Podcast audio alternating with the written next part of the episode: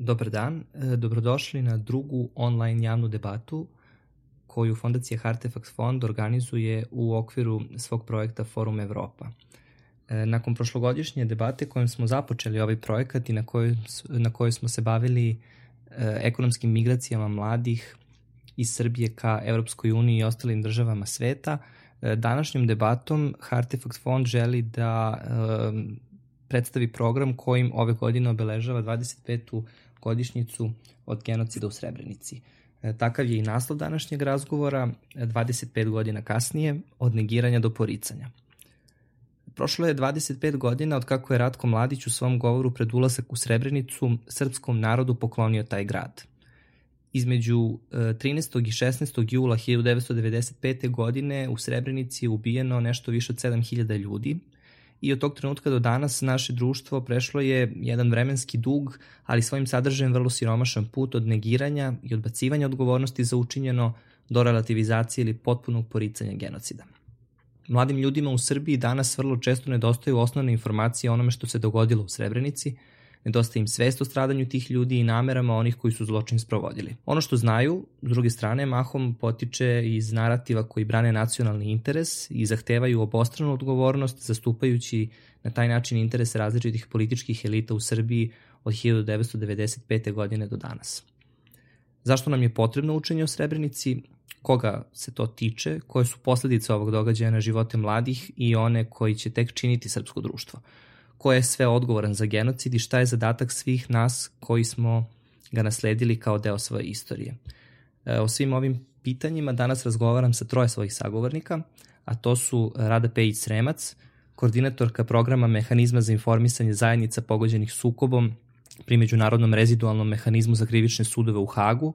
E, Rada je pre toga vodila outreach program pri Međunarodnom krivičnom sudu za bivšu Jugoslaviju i e, možda već sada da napomenemo da je e, zapravo uloga programa mehanizma za informisanje zajednica pogođenih sukobom da e, kod građana država nastalih raspadom Jugoslavije unapredi znanje i razumevanje činjenica utvrđenih pred Međunarodnim krivičnim sudom za bivšu Jugoslaviju i pred mehanizmom. E, pored nje, Ivan Đurić, programski direktor inicijativa Mladih za ljudska prava u Beogradu, jedne od organizacija civilnog društva koje svih ovih godina pokušavaju da zadrže temu genocida, ali i ostalih ratnih zločina na prostorima bivše Jugoslavije u javnom diskursu, i Milivoj Bešlin, istoričar, e, naučni saradnik Instituta za filozofiju i društvenu teoriju Univerziteta u Beogradu, i jedan od učesnika projekta koji je prvi počeo, Istoričari protiv revizionizma, ujedno i jedan od istoričara koji su radili na izradi deklaracije Odbranimo istoriju, koja je nedavno objavljena kao rezultat ovog projekta. Sad,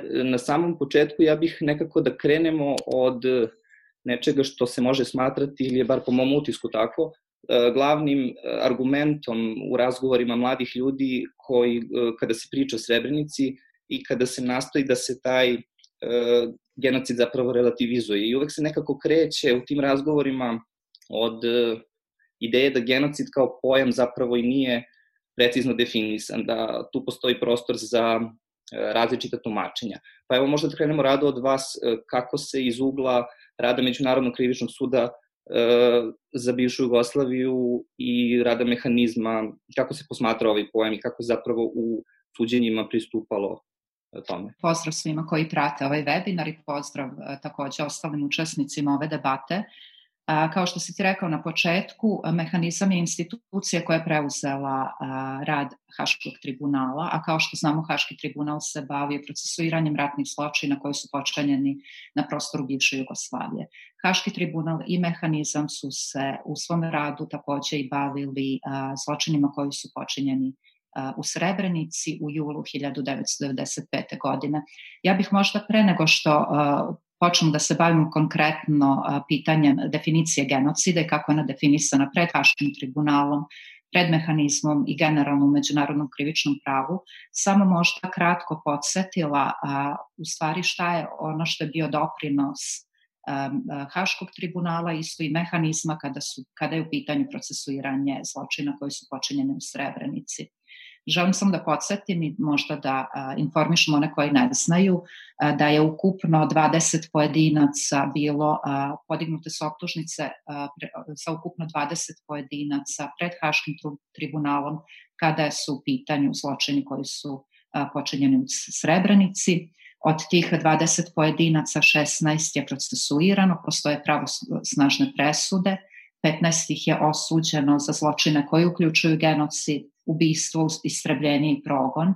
Jedna osoba je oslobođena, to je Momčilo Perišić.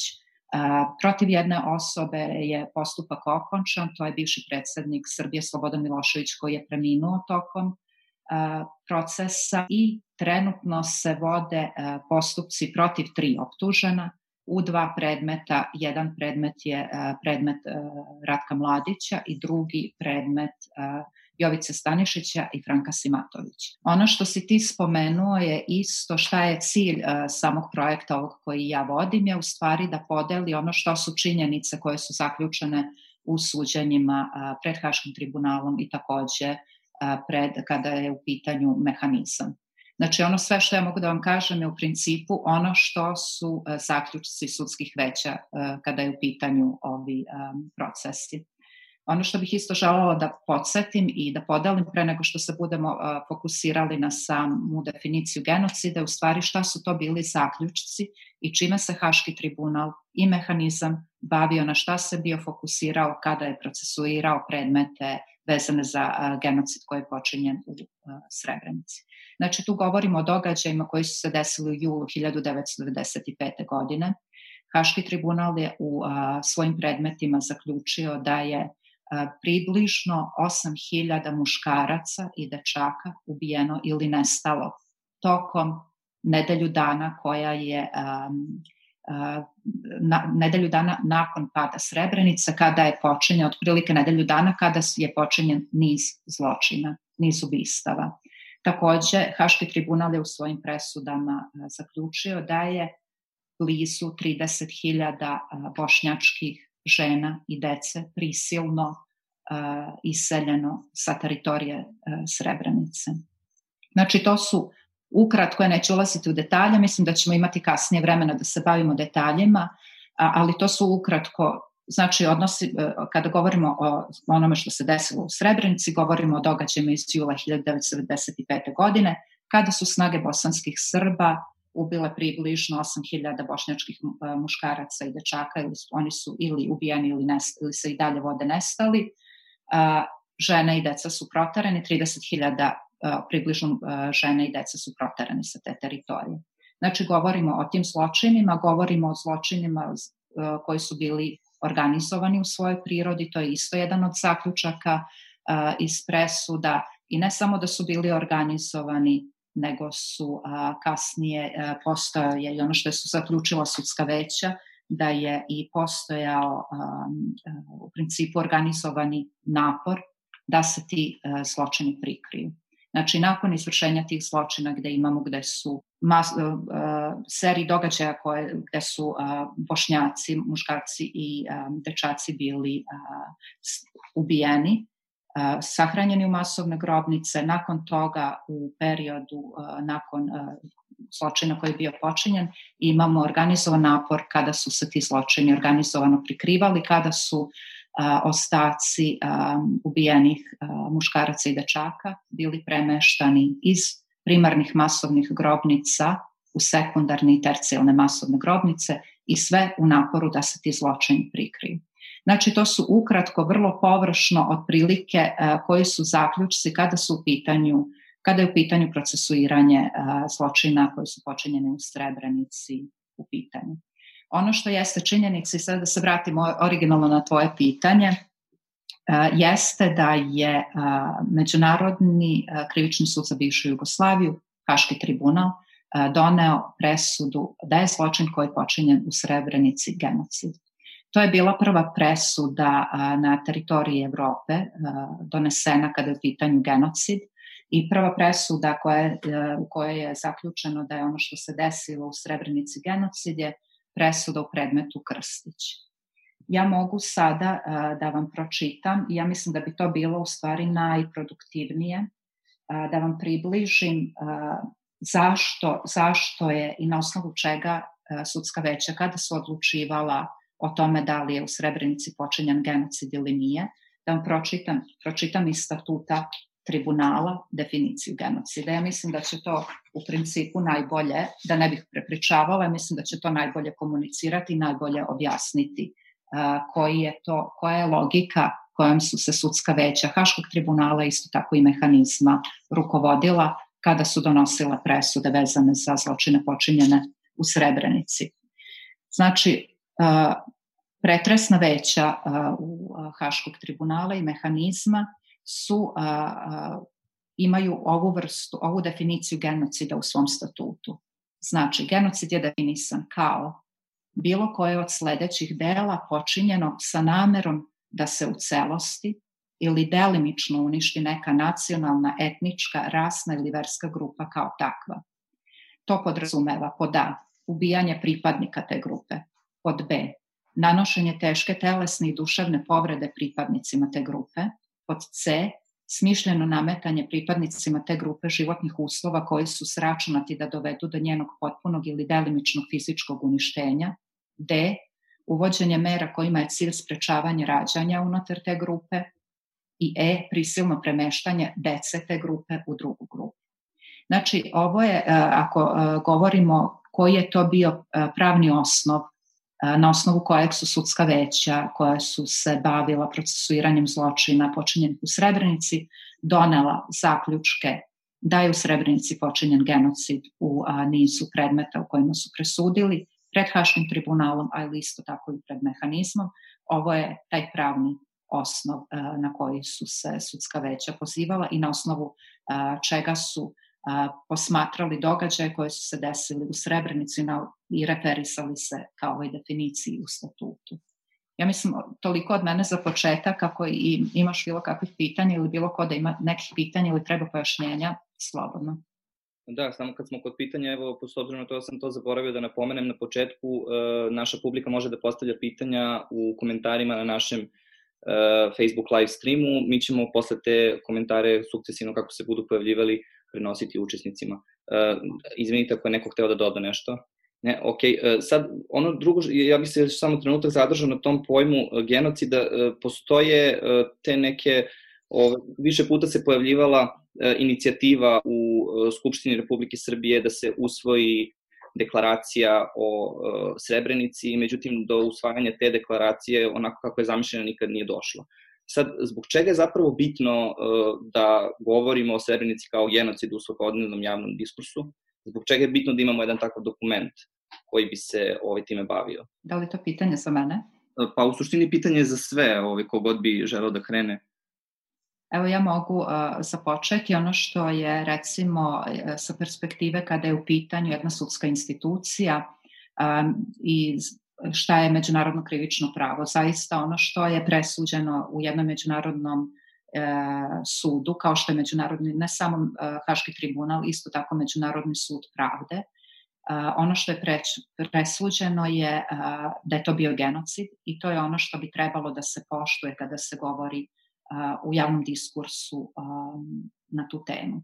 Znači, to je pozicija, ono što je pozicija u principu sudova je presuda. Presuda kaže da je to bio genocid i obaveza je svih onih koji su potpisnice sporazuma međunarodnih sporazuma da poštuju presude međunarodnih krivičnih sudova. Evo, ako ja mogu da se nadovežem, e, zašto se to u Srbiji ne dešava? Ne dešava se zbog toga što Srbija insistira da sama kreira svoju istinu i da sama kreira taj narativ onako kako je u, u skladu sa trenutnim interesima. Srbija je usvojila tu e, nesrećnu deklaraciju o osudi zločina u Srebrenici e, u kojoj je u preambuli piše onako kako je Međunarodni e, sud pravde odredio zločina, dole piše zločin, znači to je jedna sada zavrzlama koja je bila izlaz iz toga što je bio veliki pritisak međunarodne zajednice da Srbija da Srbija se očituje tim povodom, a sa druge strane povlađivanje toj nacionalističkoj politici, nacionalističkoj javnosti, koje ne bih rekao da traje do dan danas, mislim da se situacija od onda da, da, da kažemo drastično drastično pogoršava. Sada otvoreno e, i predsednik i sadašnja premijerka i cijela politička elita i u vlasti i opoziciji otvoreno negira da se, da se radi o genocidu. Ono što je, tu su važne, važne nekoliko stvari, ono što je i, i Rada istakla jeste da se time e, ne, negira se sud. Jedan e, ad hoc sud i drugi sud. Se, znači njihova, njihove odluke na našoj teritoriji ne važe. To je ono što kroz ovaj primer možda najočiglednije, ali kroz, kroz, druge, kroz druge primere vidimo inače, inače u Srbiji. Vi imate, recimo, e, to možda ljudi ne znaju, ali krivičnim zakonikom je zabranjeno to da se negiraju zločini i, i genocid, ali ne oni koji je utvrdio Haški tribunal ili Međunarodni sud pravde, već samo oni koji je utvrdio Međunarodni krivični sud. Što znači da u Srbiji za vas e, e, da vi ne smete da negirate zločin u Sudanu, to je protivzakonito, ali negirati genocid u Srebrenici je i zakonito i, i poželjno. To je, mislim da je, da se vratim na, na originalno pitanje, zašto je važno, da se o tome govori na pravi istinit način, zato što nismo sami na ovom svetu, zato što odnos koji Srbija ima, ima prema genocidu u Srebrenici se direktno, direktno tiče e, žrtava genocida, ali i celokupnog, celokupnih društava oko, oko, oko Srbije, naših suseda. Jer ukoliko smo toliko uporni u laganju, ukoliko smo toliko uporni u prikrivanju istine, mi ne možemo steći nikakav odnos poverenja sa, sa, sa, sa našim susedima i onda ne može da se, da se govori o pomirenju ili nekom trajnom miru ukoliko nemamo to, to poverenje. Sa druge strane, e, interes da sami sebe unutar srpskog društva, da unutar e, društva sebe lažemo, da, da, da, da krijemo iz istorije ono što nam se ne dopada, da izmišljamo, dodajemo ili ističemo ono što ono što nam se možda dopada. To je pogrešan put koji nas vodi u ambisi, to smo toliko puta videli do sada. Mislim da je očigledno da ako nastavimo ovim putem ćemo se ponovo zatvoriti u jedno nacionalističko društvo koje ne ume ništa drugo nego da reži na druge, da se svađa i zbog toga je duboko pogrešan. Da bismo mi sami sa sobom našli mir, našli neki put i pravac u kome želimo da napredujemo, mislim da je ključno da se sa tim događajima u prošlosti, da kažem, suočeno. Da, ovaj, u suštini sad e, pomenuo si e, nekoliko stvari koje su možda prilično važne, to je prilikom izgradnje tog nekog e, opšteg narativa, s obzirom na to da zvanični narativ uslovno rečeno, uslovno rečeno nemamo. Uh, ovaj, ako bismo se složili da je zapravo put ka prihvatanju tih nekih činjenica učenja o njima, s obzirom na to da je bar moj utisak da ljudi uglavnom ne znaju o tome koje su precizne činjenice vezane za uh, genocid u Srebrenici, da se uglavnom smatra da su to neke stvari koje su nametnute od strane međunarodne zajednice, kako bi Srbija uh, ispunila određene uslove na svom evropskom putu, to je nekako verovatno i najveće, uh, naj, najjače predubeđenje kod mladih ljudi. Na koji način su sve ove inicijative građanskog tipa koje su se u poslednjih 25 godina bavile time napravile neki doprinos. Da li, evo sad možda da se i Milivo i, ti ovaj, osvrnete na to, s obzirom na to da eto, Milivo je član uh, jedne uh, jedne, odnosno učesnik projekta koji se bavio istorijskim revizionizmom u širem jednom kontekstu, ali pogotovo kada se radi o narativima koji su vezani za ratove 90-ih. Uh, inicijativa Mladih za ljudska prava s druge strane imala brojne akcije u poslednjih, od, od svog osnivanja 2003. godine, zbog kojih je često bila i na udaru E, medija, zbog kojih ste bili proglašavani za e, strane plaćenike koji pokušavaju da šire neku propagandu e, u Srbiji. Dakle, da li imate utisak da je insistiranje na učenju o, o tim stvarima vezanim za Srebrenicu put koji zapravo treba da nekako otvori prostor za usvajanje nekog drugačijeg narativa o Srebrenici? Pitanje za mene ili za Ivana? Možete vi da krenete. Da. Pa dobro, evo, najpre mislim da je vrlo važna ova debata koju je Hartefakt pokrenuo, ali evo, moram odmah da kažem, dozvolite da se ne složim do kraja sa pitanjem. E, kada ste rekli da Srbija nema zvanični narativ, o genocidu u Srebrenici, mislim da ga Srbija ima i da je ona vrlo lutala poslednjih dve i po decenije, posebno od 2000. godine. Izgubili smo Milivoja. Ivane, možda da ti nastaviš dok se Milivoj ne vrati. Uh, pa sad je ovo, ovo što je Milivoj sad počeo mene, da kažem, tu ispiriš isto to da dodam, dakle da e, je, mislim da je problem mnogo veći od tog samog obrazovnog sistema, znači da postoji ta jedna hermetički je zatvorena ta istina ta istina o Srebrenici. Nisu nevladine organizacije samo te koje se etiketiraju kao izdajničke, kao da šire propagandu. Vi znate da se sudovi tako, međunarodni sudovi se tako etiketiraju kao nešto antisrpsko, kao, kao, kao, kao e, element propagande ili oni koji šire propagandu. Tako da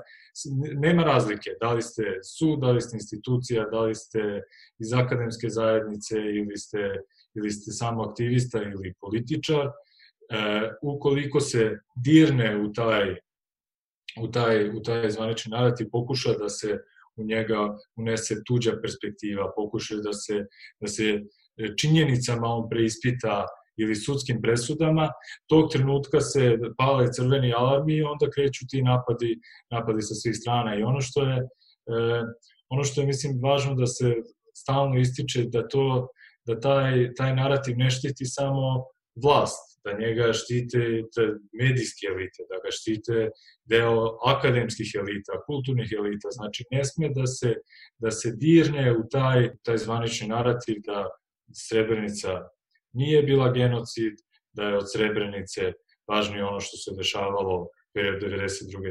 95. prema e, i, i, i, i srpske žrtve iz tog perioda. Imate tu razan, e, imate tu jedan opseg, e, opseg tog ne, od negiranja do poricanja, da tako kažem, od ovih agresivnih koji kažu da su to sve bili da su to sve bili vojnici, da je sve ostalo izmišljeno, do onih koji kažu pa da, ali šta su oni nama radili, do ovih koji pokušavaju da umanje brojke da se legitimitet tribunalu Hagu dovede u pitanje ili ovo ili ono, koji to na neku kvazi akademsku, kvazi intelektualnu raspravu, nivo rasprave pokušavaju da dovedu. Znači, ti, da kažemo, nivoji su, nivoji negiranja i poricanja su su različiti, argumentacija je različita, ali mislim da dolaze uvek sa, sa iste te pozicije tog nacionalizma koji ne sme da se dira, ne sme da se, da se činjenicama ili istinom ili tuđom perspektivom da se, da se ugrozi. Evo, Milivo je nazad, možete da nastavite. Da, ja se izvinjam. Nema problema.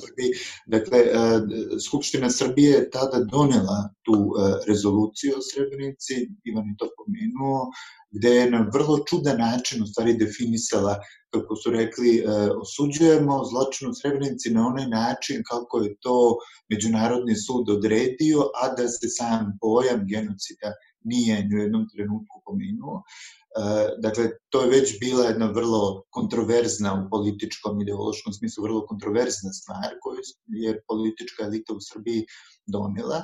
E, podsjećam, do pada prethodne vlasti u 2012. je bilo nekoliko inicijativa u samoj Skupštini Srbije da se donese e, rezolucija o osudi genocida.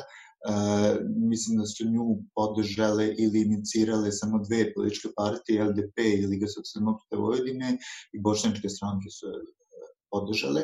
Međutim, prelom se dešava u Dakle, ta, ta, ta radikalizacija narativa u samoj Srbiji se dešava 2015. godine na 20. godišnicu genocida, kada dolazi ona britanska rezolucija u Savetu bezbednosti koja je trebalo da osudi genocid i tada se ne znam koliko se ljudi uopšte sećaju, je Rusija vrlo vešto iskoristila to, blokirajući tu rezoluciju i predstavljajući se kao tobožni zaštitnik Srbije, zapravo da e, samu Srbiju radikalizuje, već su, tako, sadašnji režim već bio e, na vlasti i mi smo tada imali e, ne samo negiranje Srebrenica, odnosno ne više neprihvatanje da se taj zločin nazove genocidom, nego smo imali otvoreno negiranje, relativizaciju, banalizaciju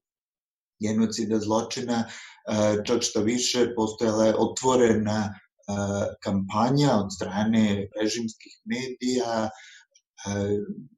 čak sa samog vrha države išlo da kada se osuđuju oni ljudi, pojedinci, organizacije koji bi eventualno taj zločin se usudili uopšte da nazovu genocidom. I to, mislim, bio taj prelomni trenutak kada i oni pokušaj, zameci nekakvog suočavanja, nekakve katarze u srpskom društvu su zapravo bili prekinuti. Ja se zaista dobro sećam, jer sam bio jedan od onih koji je govorio u Beogradu u Centru za kulturnu dekontaminaciju je tada bila jedna tribina posvećena i sećam se te atmosfere. Nikad nisam u uđoj atmosferi govorio, gde su me u centru vodile specijalne jedinice nekakve, s druge strane su bili nekoj desničarski ekstremisti. Setimo se samo da je u pionirskom parku su aktivisti koji su palili sveće tada napadani, da je to sve imalo podršku režimskih medija. Dakle, e, tada je ustanovljen u stvari zvanični narativ e, Srbije prema e, genocidu u Srebrenici, a to je dakle jedno potpuno potpuno negiranje, da ne pominjemo sad koliko puta su različite e, režimske televizije imale svoje e, pričaonice na tu temu sa idejom dakle, da se, da se zločin negira, ali e, kako bih rekao, to nije ništa što je neočekivano. E, dakle, mi e, Srebrenicu, bar sad ja je posmatram kao istoričar uvek i, i posmatram je šire od samog sudskog postupka ili onoga što stoji u, presudi i Haškog suda i onog međunarodnog suda, a to je da se Srebrenica zaista ne može dekontekstualizovati ni u prostornom smislu, Dakle, ne može biti ono što je Žarko Pukovski nazvao opštinskim genocidom, e, niti se može u, u e, ideološkom smislu e, izdvojiti, odnosno svesti samo na e, počinjeni zločin. Dakle, iza toga je stojao jedan ozbiljna, dakle, ozbiljna priprema, ne samo vojna, nego i politička, ideološka, medijska, i Srebrenica ni na koji način nije diskontinuitet u odnosu na sve one zločine koje se desile u čitavom podrinju zapravo, odnosno u istočnoj Bosni. Niti se sam odnos prema podrinju tokom ratova 90-ih može posmatrati izvučen iz konteksta dakle, tog ideološkog nacionalističkih, ideoloških nacionalističkih ciljeva, samo da vas podsjetim da su vrlo sličnu politiku imale i četničke jedinice u drugom svetskom ratu, samo zbog njihove vojne slabosti prosto nisu bili u stanju da, e, da je realizuju. Tako da mi zapravo govorimo, ja to stalno ističem, jer je tada jedan od narativa bio 2015. dakle, kada su napadani svi oni koji bi zločin u Srebrenici u Srbiji nazvali genocidom, bilo je da neko želi, a posebno su bili napadi upućeni na Veliku Britaniju koja je podnela tu rezoluciju, da neko želi srpski narod da proglasi genocidnim, što, dakle, jedna, jedna zaista glupost. Ne postoje genocidni narodi, niti je to i koji kada rekao, ali postoje genocidne namere, postoje genocidne i zločinačke ideologije, postoje zločinačke genocidne politike. Problem je, dakle, što je ideološki kontekst koji je doveo i koji je e, Srebrenicu načinio mogućom 95. godine, suštinski zapravo nije promenjen, odnosno e, Srbija nije napravila taj ideološki e, diskontinuitet. Da, tu dolazimo sad možda do jednog isto vrlo važnog pitanja koje se često spominje čak i stručne javnosti, a to je taj, ta kolektivna odgovornost. Sad, Rado, ti si pomenula da se Haški tribunal uvek bavio isključivo individualnom odgovornošću i da se bavi presudama konkretnim ljudima koji su učestvovali u sprovođenju i planiranju genocida. S druge strane, često se kod nas govori e, da je možda previše surovo e, decu danas i mlade ljude opterećivati nečim sa, sa, sa čim oni suštinski nemaju veze, jer u vreme genocida u Srebrenici nisu bili rođeni, nisu mogli da budu odgovorni za ono što se tamo dešavalo. E, da li uopšte postoji, sad evo da opet da adresiram direktno pitanja, za razliku od prethodnih rado, recite nam prvo što se tiče samog tribunala i individualnih presuda, kako se e, tribunal postavlja prema toj ideji o našim žrtvama koje se isto ovaj, često zloupotrebljavaju u pokušajima da se relativizuje e, genocid u Srebrenici? Ognjene, hvala puno za ovo pitanje. To je kada je u pitanju individualna krivična odgovornost, kolektivna krivica, mislim da je to jedno od mesta gde je Haški tribunal bio najviše suočen sa nerazumevanjem kada su u pitanju zajednice u bivšoj Jugoslaviji, uvek se na neki način percipirao kao neko ko se bavi kolektivnom odgovornošću, kolektivnom krivicom. Ono što je uporno Haški tribunal kroz a, i mehanizam sada kroz puno svojih inicijativa vezanih za outreach, napore, kroz a, intervjue svojih a, a, vodećih ljudi, pokušavao da objasni e, jeste da se Haški tribunal i mehanizam ne bave kolektivnom odgovornošću. Znači, ljudi koji su bili optuženi pred Haškim tribunalom su pojedinci, njima se sudilo na osnovu a, individualne krivične odgovornosti. I to je ono što bismo trebali uvek da im uzmemo u obzir kada govorimo o a, presudama a, Haškog tribunala, E, ja ovde imam jednu presudu, sažetak presude u predmetu Popović i drugi, samo ako budem uspela sada da pronađem način kako sudsko veće, na primer, e, govori o tim stvarima. Oni govore, znači počinjen je zločin u Srebrenici, to i to se desilo, stavljaju ga u kontekst. I onda kažu u jednom momentu, ali ova presuda se prvenstveno odnosi na ove ljude koji su optuženi i na njihovu krivičnu odgovornost koji su optuženi pred Haškim tribunalom. Znači, nadalje ćemo se baviti e, njihovom odgovornošću. I to je ono što ja mislim da je vrlo, vrlo bitno zajednice narodi bivše Jugoslaviji shvate da su presude Haškog tribunala zaista ono što je kolega rekao, ne postoji genocidni narod i apsolutno se ne bave time. Znači, Haški tribunal je utvrđivao individualnu krivičnu odgovornost ljudi koji su bili imenom i prezimenom optuženi, protiv kojih se bila podignuta optužnica za određene zločine. Isto tako je u pitanju, kada je u pitanju Srebrenici zločini i genocid koji je počinjen u Srebrenici. Uh, ono što bih ja žela da se nadovežem, uh, isto vezano za kontekst, apsolutno u pravu uh, kolega iz perspektive uh, istorije. Ono što je isto uh, treba dati do znanja kada su u pitanju presude Haškog tribunala, mehanizma, sudovi kao takvi, oni nisu istorijski instituti. I oni se u tom smislu ne bave a, istorijom kao takvom, što ne znači da ne doprinose značajno istoričarima kada se bave a, proučavanjem perioda, kada je u pitanju periode 90. godina i sukobi 90. godina u bivšoj Jugoslaviji. A, ono što može iz perspektive, a, a sudovi uvek govori iz perspektive onih a, sudski potvrđenih činjenica, samo onoga što je dokazano van razumne sumnje, može da se opovrgnu neke stvari koje postoje u diskursu a, a, ovome takvom kakav jeste trenutno u zemljama bivše Jugoslavije, znači diskursu gde se govori o kolektivnoj krivici, presude govore o individualnoj krivici, diskursu u kojem se govori e, da nije bio genocid, se govori e, pravnom terminologijom, znači u sudskim presudama to nije politička, politički termin, to je pravni termin i on se na taj način tretira u presudama, se govori i obrazlaže zašto je sudsko veće zaključilo da je to genocid. O zločinima se ne govori na način uh, gde se paušalno daju ocene, nego zaista sam rekla u svim predmetima koji su bili fokusirani na Srebrenicu, je bilo preko hiljadu svedočenja od strane očevidaca, od strane žrtava, od strane uh, onoga što mi zovemo insider svedoka, znači direktnih počinjavaca koji su bi, bili deo zločina, koji su govorili o vezama između vojske Republike Srpske u tom periodu, kada govorimo konkretno o Srebrenici. Tu govorimo o svedočenjima koje su bile date od strane Umprofora koji je bio prisutan u tom periodu, vešta, svedoka veštaka, da ih tako nazovemo.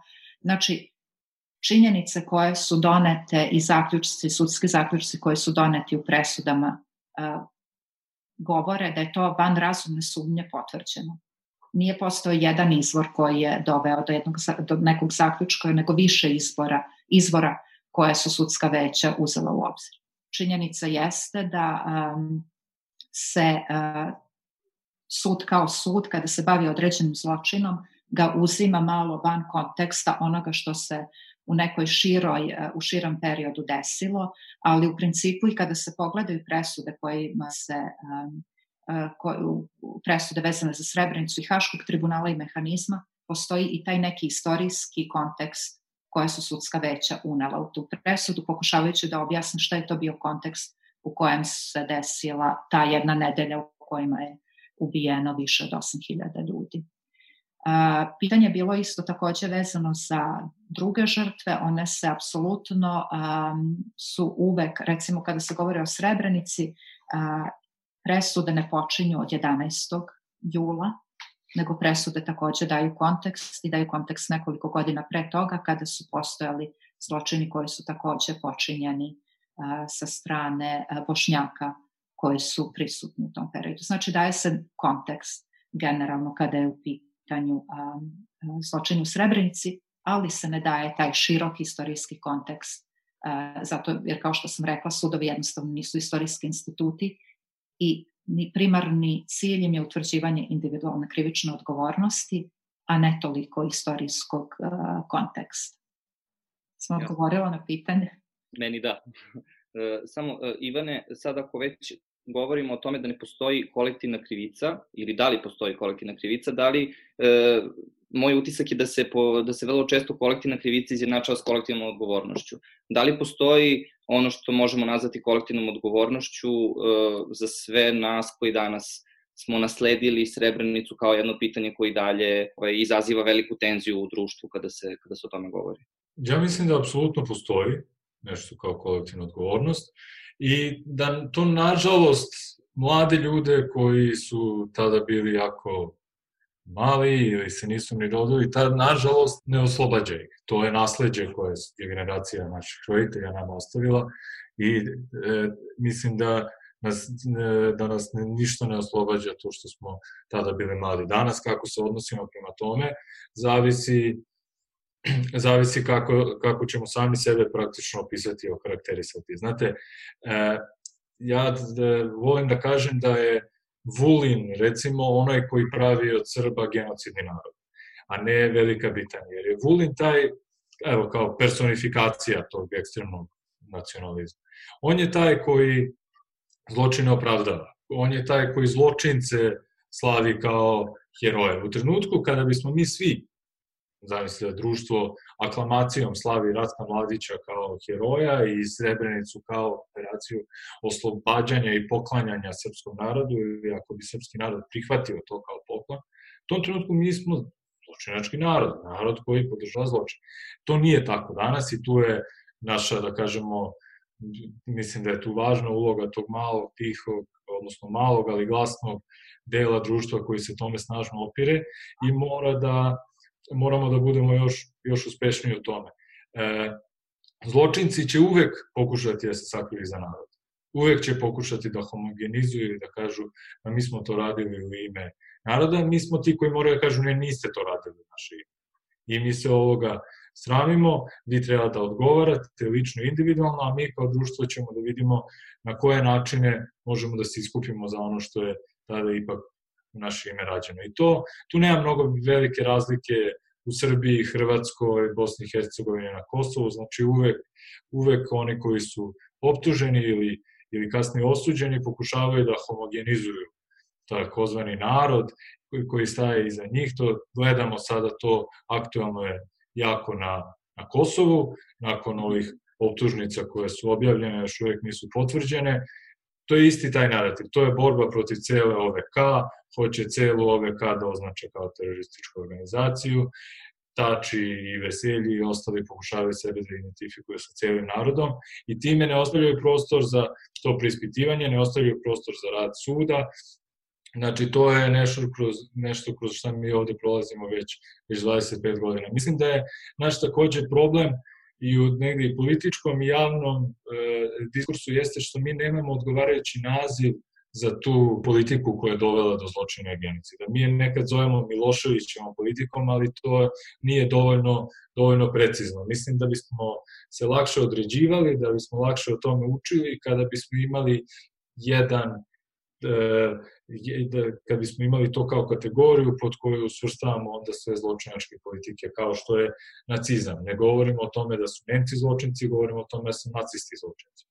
Nacisti su svi koji su i podržavali nacistički režim. Znači, mislim da nam je, da bi nam bilo da bi nam bilo jednostavnije ukoliko bismo za taj velikosrpski nacionalizam agresivni imali jedan, jedan termin i onda umeli da ga definišemo šta on podrazumava i onda se prema njemu određivali e, određivali jasnije. Ovako, nacionalisti nas drže u tom e, drže nas u toj odrednici da li smo protiv Srbije i srpstva ili nismo. Ako smo protiv Miloševićeve politike, onda smo mi antisrpski nastrojeni. E, treba nam, i, i tu je ono gde se nove generacije koje ne razumeju kontekst, nisu živeli u tom vremenu, jako im je teško, nemaju ni, ni, ni da bi se objektivno informisali, moraju baš mnogo da se potrude, moguće, ali je potreban jako puno investiranja vremena, vremena i truda, pa čak i znanja da bi se do, do nekih stvari došlo mislim da nam je potrebno da sada sa ove distance, da, da, da, da taj period 90-ih ne možemo više da tretiramo isto kao što je tretirano pre 15 godina. Sad je to previše daleko, sad su generacije koje su prvi put glasale na izborima e, pre dve nedelje su rođene 2002. Znači, i, e, kada je Milošević već bio u Hagu. Tako da e, moramo da na, na drugi način na drugi način govorimo o tome, a kažem, to što su rođeni nakon Miloševića, mislim da nažalost njih, moju sestru koja ima sad 18 godina, da nažalost nju ne oslobađa odgovornosti se, da se o tome određuje. Jer u koji god deo sveta sutra da ode, ona će nositi deo tog za Srbiju, smo čuli, ako smo čuli, ali da su čuli za Đokovića, Teslu i Ratka Mladića, tu je mrtva trka. Znači da se zna, a ne ja sam od ovih Teslinih, a ne od ovih Mladićevih. To je ono što to je ono što je svakome, svakome, svakome potrebno. Dobro, kako se, ovaj, možda sad nezahvalno pitanje, ali kako se zapravo obratiti tim mladim ljudima, evo, možeš ti, može i Milivoj. Dakle, da li, da li zapravo, na koji način pristupiti e, mladim ljudima, upravo tim koji su danas, odnosno pre par nedelja prvi put izašli na izbore, na koji način s njima razgovarati, ne samo o Srebrenici, ali u redu danas se time pre svega bavimo, ali o, o upravo tome što si nazvao velikosrpskom e, politikom 90-ih. Ono što je najteže iz nekog našeg iskustva jeste započeti razgovor, zainteresovati nekoga da, da, da o tome razgovara, e, pr, pr, pr, naći put kroz tu šumu dezinformacija e, i šumu tih lažnih narativa na koje su naišli u životu. Ukoliko, kažem, ako želite objektivno da se informišete o tome šta se desilo, morali ste baš da se trudite.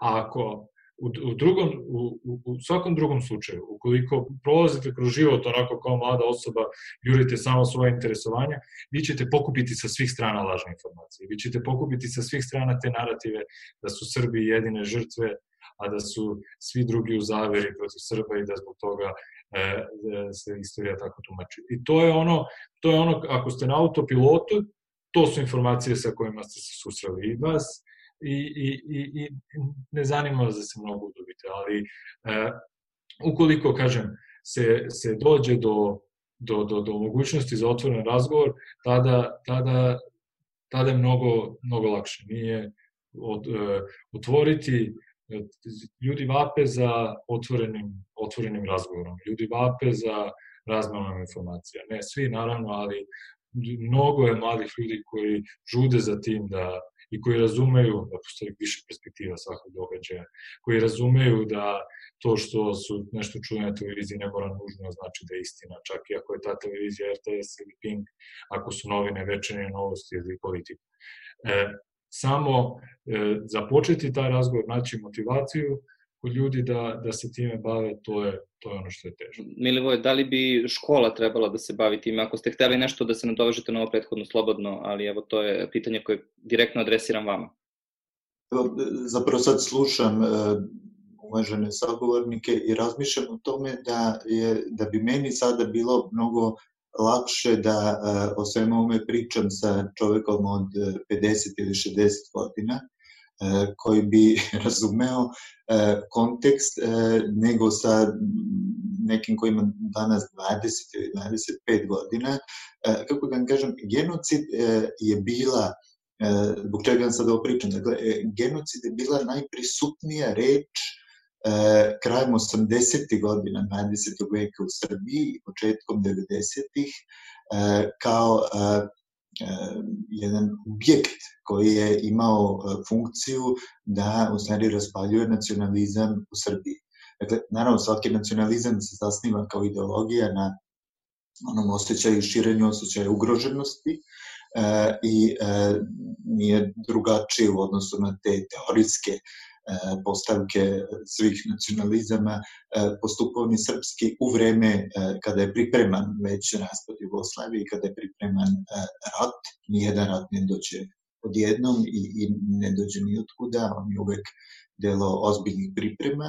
E, I dakle, e, neposredno pred dolazak Miloševića na vlast i nakon njegovog dolaska E, zato sad kažem, lakše bi bilo da nekome ko ima 60 godina kažem odjeci reagovanje u politici, pa sad jasno je šta je, ali za nekoga ko ima 25 godina, zaista smo morali sad da krenemo da, da pričamo šta su značili odjeci reagovanje, šta je značila ta užasna propaganda tad, krajem 80. godina, e, u raspaljivanju nacionalizma, jer on nije tada kao ideologija bio dominantna legitimacijska osnova u Jugoslaviji inače i trebalo je dakle jednu legitimacijsku formu, jedan ideološki koncept, socijalistički do tada zameniti novim, a to je bio nacionalistički. U osnovi nacionalističkog e, narativa u Srbiji tada je bio taj osjećaj ugroženosti i o zločinima nad Srbima u drugom svetskom ratu, pre svega u Kvislinškoj nezavisnoj državi Hrvatskoj i tada je, dakle, najčešća reč je bila genocid i jasenovac. Prosto ta istraživanja su urađena e, i, e, dakle, e, Srbi su e, genocidirani narod, dakle, narod nad kojim je izvršen e, genocid, e, I to je, dakle, na, na, na tome se u stvari krenulo u rad sa idejom da se ne ponovi genocid iz drugog svjetskog rata, da se ne ponove zločine na Srbima u Hrvatskoj i tako I sada, dakle, vi onda posle uh, e, 95. godine uh, imate da je zapravo i dalje, naravno, se genocid u Srbiji isključivo vezuje za Srbi kao žrtve. Odjednom imate uh, promenu narativa, odnosno pokušaj da se kaže da su neki Srbi dakle počinili genocid na nekim drugim narodom, dakle menjaju se te uloge i to je zapravo jedna od uh, važnih konteksta zbog čega je to u stvari uh, vrlo teško prihvatljivo i danas u Srbiji, zbog čega izaziva takve burne, burne reakcije. To je dakle prva stvar. Druga stvar, Rada je ovde pomenula i naravno mi istoričari uvek veoma držimo do, do E, kontekstualizacije i e, istorijska istina e, nije nužno kongruentna sa sudskom istinom, niti bi trebalo da bude. Ali, dakle, u pripremi ovoga razgovora ja sam malo gledao istorijske izvore, jer istoričar uvek mora prosto tako da razmišlja i setio sam se prvog izveštaja 92. godine tokom rata u Bosni, e, kada su jedne nacije imenovale bivšeg polskog premijera Tadeuša Mazovjeckog za e, specijalnog izaslanika, prosto je trebalo sve to objasniti šta se to dešava u Bosni, ipak mediji naravno nisu funkcionisali onako kako danas funkcionišu. E, I Tadeuš Mazovjecki tada kaže u svom izveštaju da, citiram, etničko čišćenje Pre svega se dakle odnosi na istočnu Bosnu, zato kažem je taj kontekst vrlo, vrlo bitan. Etničko očišćenje ne izgleda da je posledica rata, već je pre svega cilj rata. Primarni cilj vojnog konflikta u BiH jeste uspostava etničkih homogenih regiona pod kontrolom srpskih političkih lidera.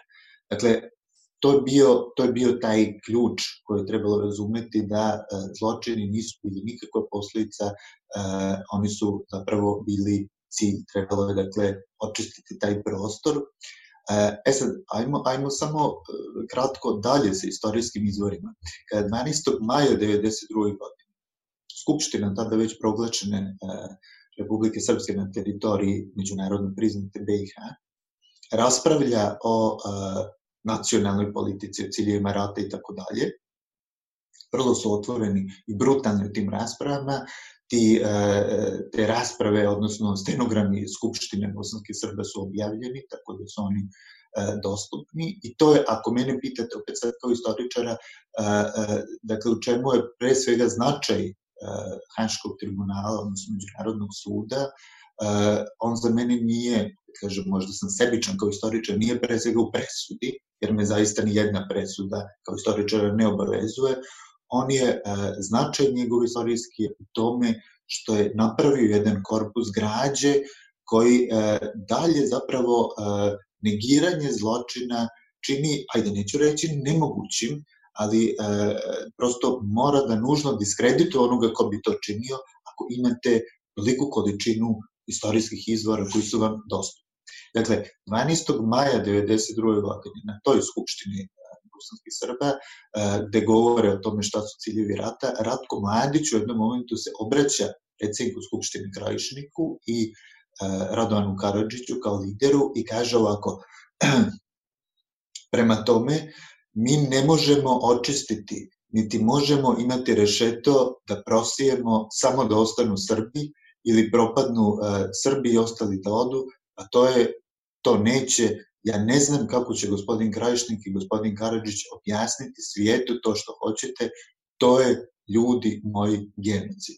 Kraj citanta Ratka Mladića od 12. maja 92. godine i tada mu jedan od poslanika odgovara, e, poslanik SDS-a, tada vladajućeg, e, i kaže ovako misleći naravno na Bošnjake, citiram, poznavajući ko nam je neprijatelj, u kojoj mjeri on perfidan i u kojoj mjeri mu se ne može vjerovati, sve dotle da se on fizički, vojnički ne uništi, ne slomije, što podrazumijeva naravno i eliminisanje, likvidaciju njegovih ključnih ljudi, mi ćemo, budite ubijeđeni, ja bih volio da e, nisam u pravu i daj Bože da nisam, da ćemo jednog dana morati da se definitivno razračunamo sa muslimanima za sva vremena, ne trebamo se mi plašiti, ostaće prazni prostori. E, kraj citata. I e, samo evo još jedan e, odlomak iz istorijskih izvora, pred samo zauzimanje e, Srebrenice 95. godine, je vojstvo bosanskih Srba izdalo poznatu direktivu 7 sa ciljem, dakle, kaže ovako citiram, potrebno je što prije izvršiti potpuno fizičko odvajanje Srebrenice od šepe, svakodnevnim planskim i osmišljenim borbenim aktivnostima, stvoriti uslove totalne nesigurnosti i nepodnošljivosti i besperspektivnosti daljeg opstanka i života mještana u Srebrenici i Žepi i tako dalje. Dakle, prosto mi moramo da se vratimo onome, ako, ako govorimo realnim događajima, moramo da se vratimo evo, istorijskim izvorima, Haški tribunal može to nekome da deluje hermetično, da se čita presude i tako dalje, ali prosto nam je ostavio jedan užasni, uh, užasno važan korpus građe uh, uh, koji je dostupan danas svima, evo rada će reći možda i na koji način ljudi mogu da dođu do toga, gde nije potrebno da vam sad, ne znam, tabloidi na svojim naslovnicama ili lažljivi istoričari u pričonicama Milomira Marića tumače istoriju, dovoljno je dakle svako ko ima elementarnu pismenost, dovoljno je da pogledate istorijske izvore i da ih prosto ukrsti. Meni je žao zaista i to je velika stigma i na mojoj struci, što se historiografija u Srbiji ne bavi ni Srebrenicom, što to prosto nije tema, vi ste pomenuli školu, naravno da nije tema na školama, ali to što se mi ovde ne bavimo tom temom, što ignorišemo, što pokušavamo da je negiramo, ne znači da istina ne postoji ili da se neki drugi ljudi ne bave, nisu nastale knjige, da nisu odbranjeni doktorati na tu temu i istoriografski i pravni i tako dalje i svako naše dalje odbijanje da se suočimo sa tim, dakle sa pre svega istinom, sa realnim zbivanjima u julu uh, i dalje 95. godine, zapravo nas samo uh, udaljuje i od regiona kao našeg prirodnog okruženja i od nekog civilizovanog sveta. Da, ovo što ste pročitali poslednje iz izvora je verovatno jedno od mesta koje se najčešće citiraju kada se e, govori upravo o tom sistemskom planiranju e, genocida na ovom prostoru. Sad samo evo, e, s obzirom na to da ste to pomenuli, pa bih se nadovezao rado mehanizam e, u okviru svog delovanja i svojih aktivnosti već radi sa mladim ljudima i sa upoznavanjem upravo sa ovim što je Milivoj pomenuo, dakle sa onim što je uslovno rečeno e, nasledđe ili fundus e, Haškog tribunala. Tačno. Milivoje, hvala puno na ovome što ste spomenuli. I zaista ono što sam ja želala isto da sada razmišljajući o pitanju koje si ti Ognjene prvenstveno postavio kako zainteresovati mlade ljude, sa druge strane o toj količini informacija koja činjenica jeste dostupna, mehanizam u okviru ovog projekta koji ja vodim i isto takođe u okviru projekta koji je imao Haški tribunal Outreach programa se upravo bavio tim razmišljanjem. Sud je institucija kakva jeste i mi jesmo apsolutno svesni da presude jesu dosta nedostupačne, nedostupačne na neki način širem diskursu, širem javnom mnjenju. Mi kada govorimo o presudama imamo recimo kada su u pitanju presude za Srebrenicu govorimo o hiljadama strana. I to zaista jeste nešto što ne možemo da očekujemo da će čak i stručna javnost, ukoliko nije isključivo fokusirana, kao što je Milivoj rekao, ako se neko ne bavi doktorskim radom ili specifično tim istraživanjem, čak i stručna javnost da će pročitati i da će, se, da će analizirati presudu. Tako da ono što je recimo cilj bio outreach programa Haškog tribunala, a isto i a, sada ovog projekta a, mehanizma jeste kako spojiti te dve suprotstavljene a, stvari. Kako sa jedne strane približiti, a s obzirom da se radi o sudu kao sudskoj instituciji, ne kompromitovati informacije, približiti ih na jednostavan način da neko ko možda nije zainteresovan može da shvati zaista šta je ono što je što su sudske činjenice kada je u pitanju e, kada su u pitanje presude Haškog tribunala i mehanizma. Mi smo i u prošlosti radili sa mladim ljudima, a sada u ovom projektu smo se fokusirali na nešto drugo, jer smo shvatili da zaista arhiva je toliko bogata, postoji toliko dokumenta, mi govorimo o milionima dokumenta u smislu a, izjava svedoka, videa, a, sudskih a, procesa, dokumenta koji su bili priloženi kao dokazni materijali, neke koje je spomenio Milivoj, koji postoji, koji jesu na neki način istorijska građa, koji jesu materijal koji bi trebalo da koriste istoričari. I ono što smo mi želeli je da u principu napravimo jedan korak ka nastavnicima istorije i da vidimo kako oni, kako možemo mi da im pomognemo sa naše strane, da bi oni mogli da to na neki način, ono što postoji u arhivama Haškog e, tribunala i mehanizma, prevedu na taj neki jezik koji bi mogao da se koristi u nastavi istorije.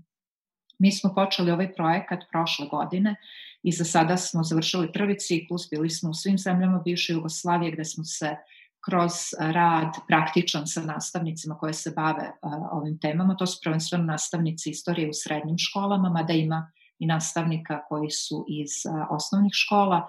Jednostavno pogledali, mi smo sa naše strane pokazali šta je ono što je sadržano u arhivama Haškog suda i mehanizma.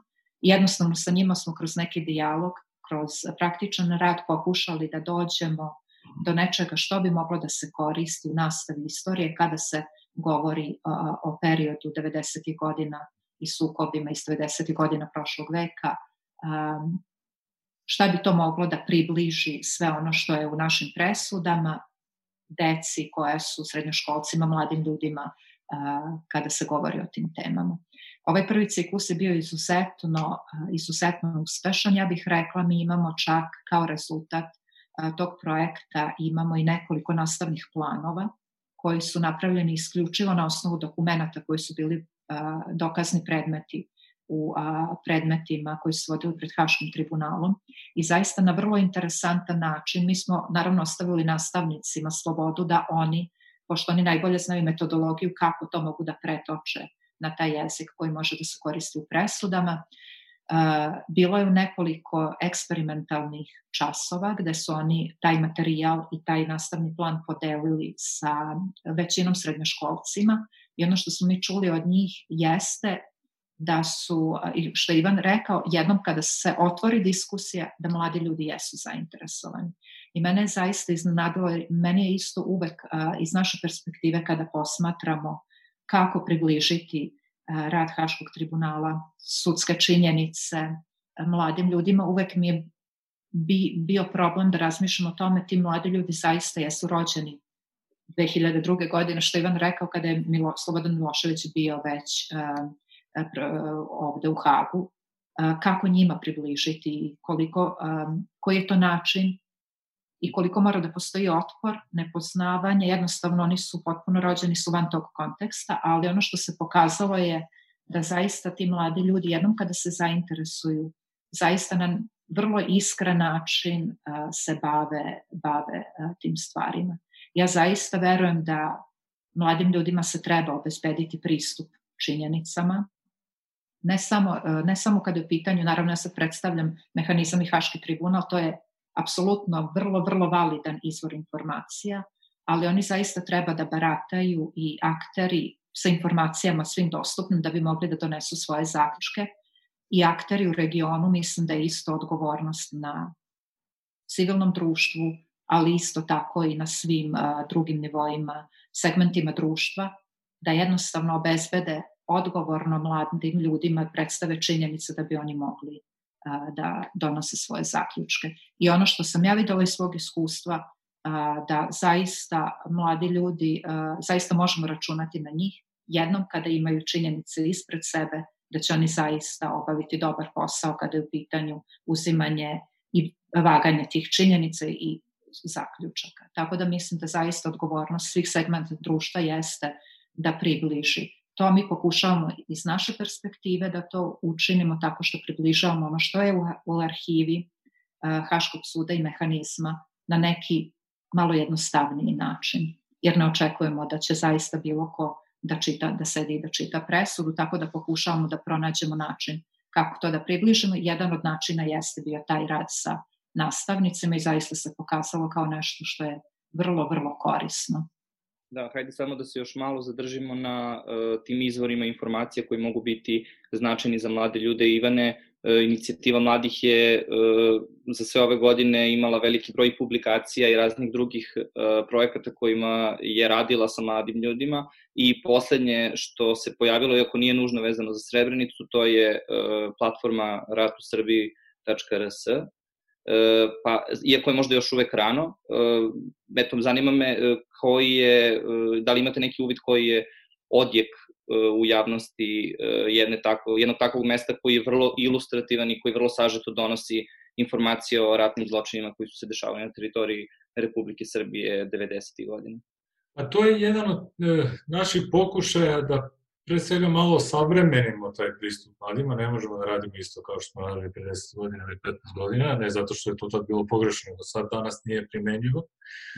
A, a sa druge strane, opet naš pokušaj da e, ono činjenice koje je utvrdio pre svega tribunal, ali i, i ono što je utvrđeno e, u nekim drugim međunarodnim izveštajima i tako dalje, objavljeno u medijima, znači da pokušamo da nekom početniku za ovu temu koji počne da se zanima, da pružimo neke elementarne informacije, neke izvore gde može da nastavi sutra da se informiše to.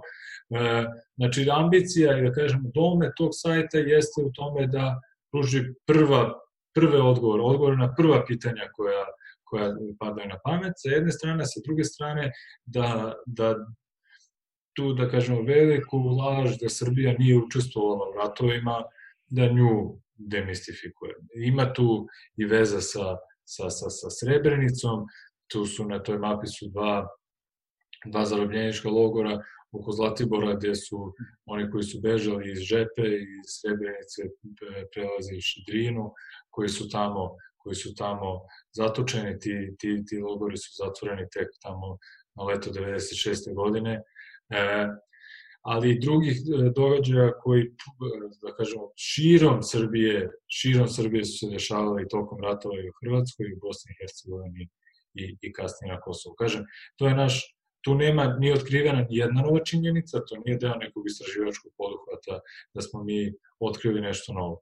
Mi smo pokušali da sakupimo, da prevedemo na, da kažem, srpski jezik e, ono što je utvrđeno činjenično na drugim mestima u prethodnih 25 godina i na, da ga predstavimo na taj način da, da bude čisto pitko i da bude neki, da kažemo, beginner's level onoga ko, ko želi da, da ovo dalje istražuje. E, koji će biti, naravno da je reakcije su bile naravno da je nacionalistička ta javnost pokušala da to e, da, da, da, da ga ospori na hiljade načina, ta naslovna strana večernjih novosti, ono je, to je slika u hiljadu reči. Kad Nemačka daje pare da od Srba prave naciste, eto, to je sve ono što je sve, svi napadi na, na, na, na mirovne aktiviste spakovani u jednu rečenicu. Znači, i tu su i stranci, i strane pare, i nacisti, odnosno genocidni narod. I sve, sve su spakovali u jednu, u jednu rečenicu, ali ono što mi, e, da kažemo, broj poseta sajta nije na početku relevantna informacija, jer kad je nešto novo, svi će da vidi, da pogledaju i ko voli i ko ne voli. Ali e, on podatak koji je nama dragocen jeste da je prosečno zadržavanje na tom sajtu i dok su posete bile preko 10.000 dnevno i sad kad je to opalo, prosečno zadržavanje na tom sajtu je oko 4 minuta. To znači neko je došao i odmah ugasio čim je ušao, ali ljudi su se zadržali da nešto, da, da veliki broj ljudi se zadrži, da nešto ipak tu i, i pročita. Tako da to je ono zbog čega ga zovem uspehom, barem za sad. Mi ćemo nastaviti da, da ga nadograđujemo, nove elemente ubacujemo i mislim da je taj, taj pristup koji smo sad izabrali u ovoj fazi, nastavit ćemo i neke druge stvari da obrađujemo na taj način. Znači, kao da, da, da, da pakujemo, da prevodimo ono što sudovi, istoričari utvrde, da probamo da to, da to predstavimo ljudima da bude osnova za, osnova za dalje istraživanje i osnova za razgovor i diskusiju. Ako ja mogu samo da se nadovežem, osim ovoga što sam sada spomenula vezano za rad sa mladim ljudima kroz nastavu istorije, ako mogu samo da pomenem da ćemo mi i ove godine kao i prošle godine da imamo kampanju na našim društvenim mrežama koja će se fokusirati na obeležavanje 25 godina od zločina u Srebrenici. Prošle godine, sada kada Ivan spomenuo brojeve, smo prvi put imali kampanju tih razmera na društvenim mrežama imali smo za sedam dana više od 1 milion rič pregleda našeg sadržaja na društvenim mrežama i većina tih pregleda je došao sa teritorije bivše Jugoslavije. Tako da i to, ja mislim, na neki način govori o interesovanju generalno stanovništva na ovom prostoru za te teme. Ove godine ćemo takođe imati kampanju koja će se fokusirati na a, sudski utvrđene činjenice koje su presuđene u srebreničkim predmetima, ali isto tako ćemo imati i delove iz a, svedočenja svedoka koji mogu na neki malo više ljudski način da približe, da daju tu neku ljudsku perspektivu onoga kroz šta su ti ljudi koji su bili žrtve prošli I takođe završit ćemo našu kampanju sa izložbom koju pripremamo, a koja će dati pregled jednostavno onoga šta se desilo u tih nedelju dana kada su u pitanju zločini, zločini genocid koji je počinjen u Srebrenici i onoga što se uključila sudska veća i tu ćemo dati ujedno izbor materijala koji je bio koji, je doka, koji su dokazni predmeti. Tako da ćemo na taj način pokušati da približimo isto a, šta su ono sudski utvrđene činjenice kada su u pitanju um, kada je u pitanju Haški tribunal i mehanizam, ali isto na taj jedan način uh, da bude dosta pitak, kako je Ivan rekao, ljudima koji nisu neminovno pravnici i koji mogu u relativno kratkom uh, vremenskom uh, roku da pogledaju i da vide tačno šta je to zaključeno i šta se desilo u Srebrenici na osnovu onoga što je zaključeno u, u predmetima. Tako da će naša kampanja da kulminira sa objavljivanjem te izložbe i ja ću podeliti sa Artefaktom i sa inicijativom i sa svima vama linkove, tako da možete da pogledate. Hvala vam puno. E, s obzirom na to da smo skoro na kraju ovog razgovora, ja bih da zaokružim ovu priču o mestima i inicijativama za ovaj, edukovanje mladih, e, pa hajde mi evo da promenemo samo i ovu deklaraciju koja je nastala u okviru, u okviru projekta koji je prvi počeo.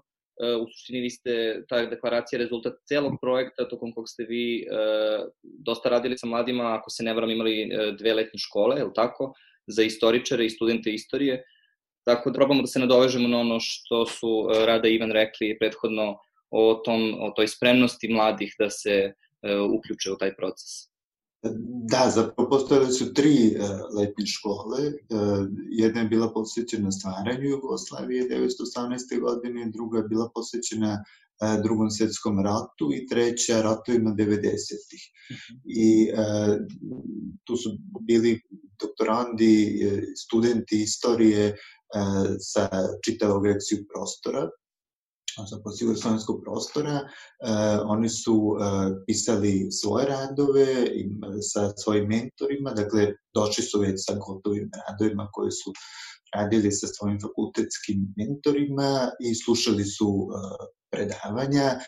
Uh, i ja moram da kažem, pošto sam bio na toj prvoj, i, a na drugoj koja je posvećena drugom svetskom ratu sam bio domaćin, odnosno nedelju dana sam bio ovaj, na planini sa tim mladim ljudima, e, da je to zaista jedno užasno važno iskustvo bilo i za njih. E, oni su upoznavali, zapravo mi često zaboravljamo koji smo stariji, do koje mere sad oni posmatraju kontekst koji se tiče samo njihovog društva e, i da često svako gledanje preko granice im se čini onako čudno i da prosto te mentalne mape u njihovim glavama, to sam zapravo video, ono što je meni taj jugoslovenski prostor, zapravo oni više nemaju u svojim glavama tu mentalnu mapu.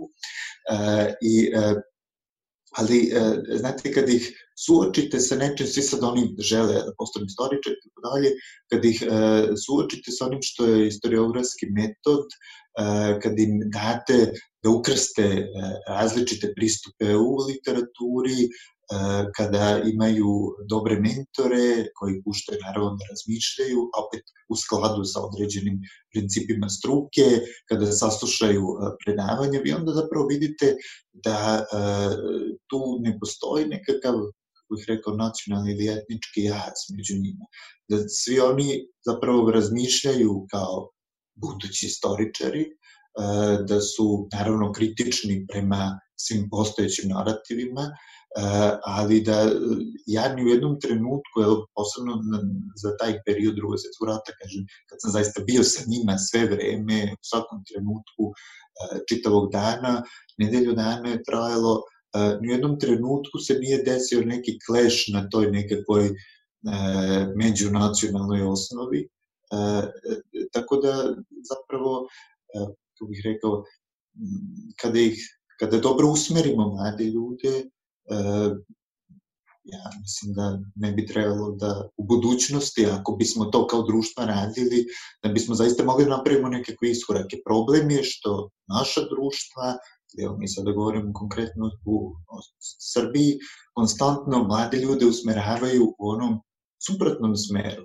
Dakle, konstantno se ide na propagandu, na laž, na uh, ovo što je Ivan pomenuo, zapravo identifikaciju čitave Srbije sa zločinom. Znate, vi ako negirate genocid, ako negirate zločin e, i tako dalje, vi u jednom trenutku zapravo ono što uradite, vi identifikujete čitavo društvo sa tim zločinom, što u stvari ne sme se dopušta. Hoću da kažem, nade uvek ima. Ja kad sam izlazio sa tih letnjih škola o kojima vi govorite, uh, ja sam nekako bio strašno optimističan zapravo, jer vidite da uh, su mladi ljudi racionalni. Oni danas imaju i bolje obrazovanje i više mogućnosti dostupnost informacijama nego što smo mi to imali kad smo bili u njihovim godinama i, i nikako ih neću svesti na uh, nekakve ono narative tipa mi smo čitali knjige, oni sad se državaju 140 karaktera i ostalo. Ne, zapravo mlad čovek danas je zapravo informisaniji nego što je to bio mlad čovjek pre 30 godina ili, ili 50 ili 100 godina. E, I u tom smislu to je dobra polazna osnova, samo naravno kad bi postojalo dovoljno ovakvih inicijativa o kojima govore i Rade Ivan, e, mislim da, da, da su tu zaista pomaci mogući. Hvala puno. S obzirom na to da smo na kraju, ja bih stvarno želeo da vam se zahvalim ispred Artifact tima i u svoje lično ime zbog toga što ste učestvovali u ovom razgovoru, zbog toga što radite sve to što radite i što ste eto, na ovom mestu probali da još jednom govorite o nekim stvarima koje su vrlo važne za sve nas. Uh, ja sve vas koji pratite ovu debatu preko Facebooka pozivam da nastavite da pratite aktivnosti uh, fondacije Hartefakt i uh, program Forum Evropa. Već sledećeg ponedeljka imaćemo drugu debatu koja će takođe biti organizovana u okviru programa obeležavanja 25. godišnjice od genocida u Srebrenici. Sledećeg ponedeljka o tome ćemo govoriti iz perspektive umetničkog angažmana i kulturnog rada ovu i sledeću debatu Forum Evropa podržala je švajcarska ambasada, koja se takođe zahvaljujemo ovom prilikom i eto, hvala vam svima na učešću i na pažnji i vidimo se. Hvala. Hvala. Hvala.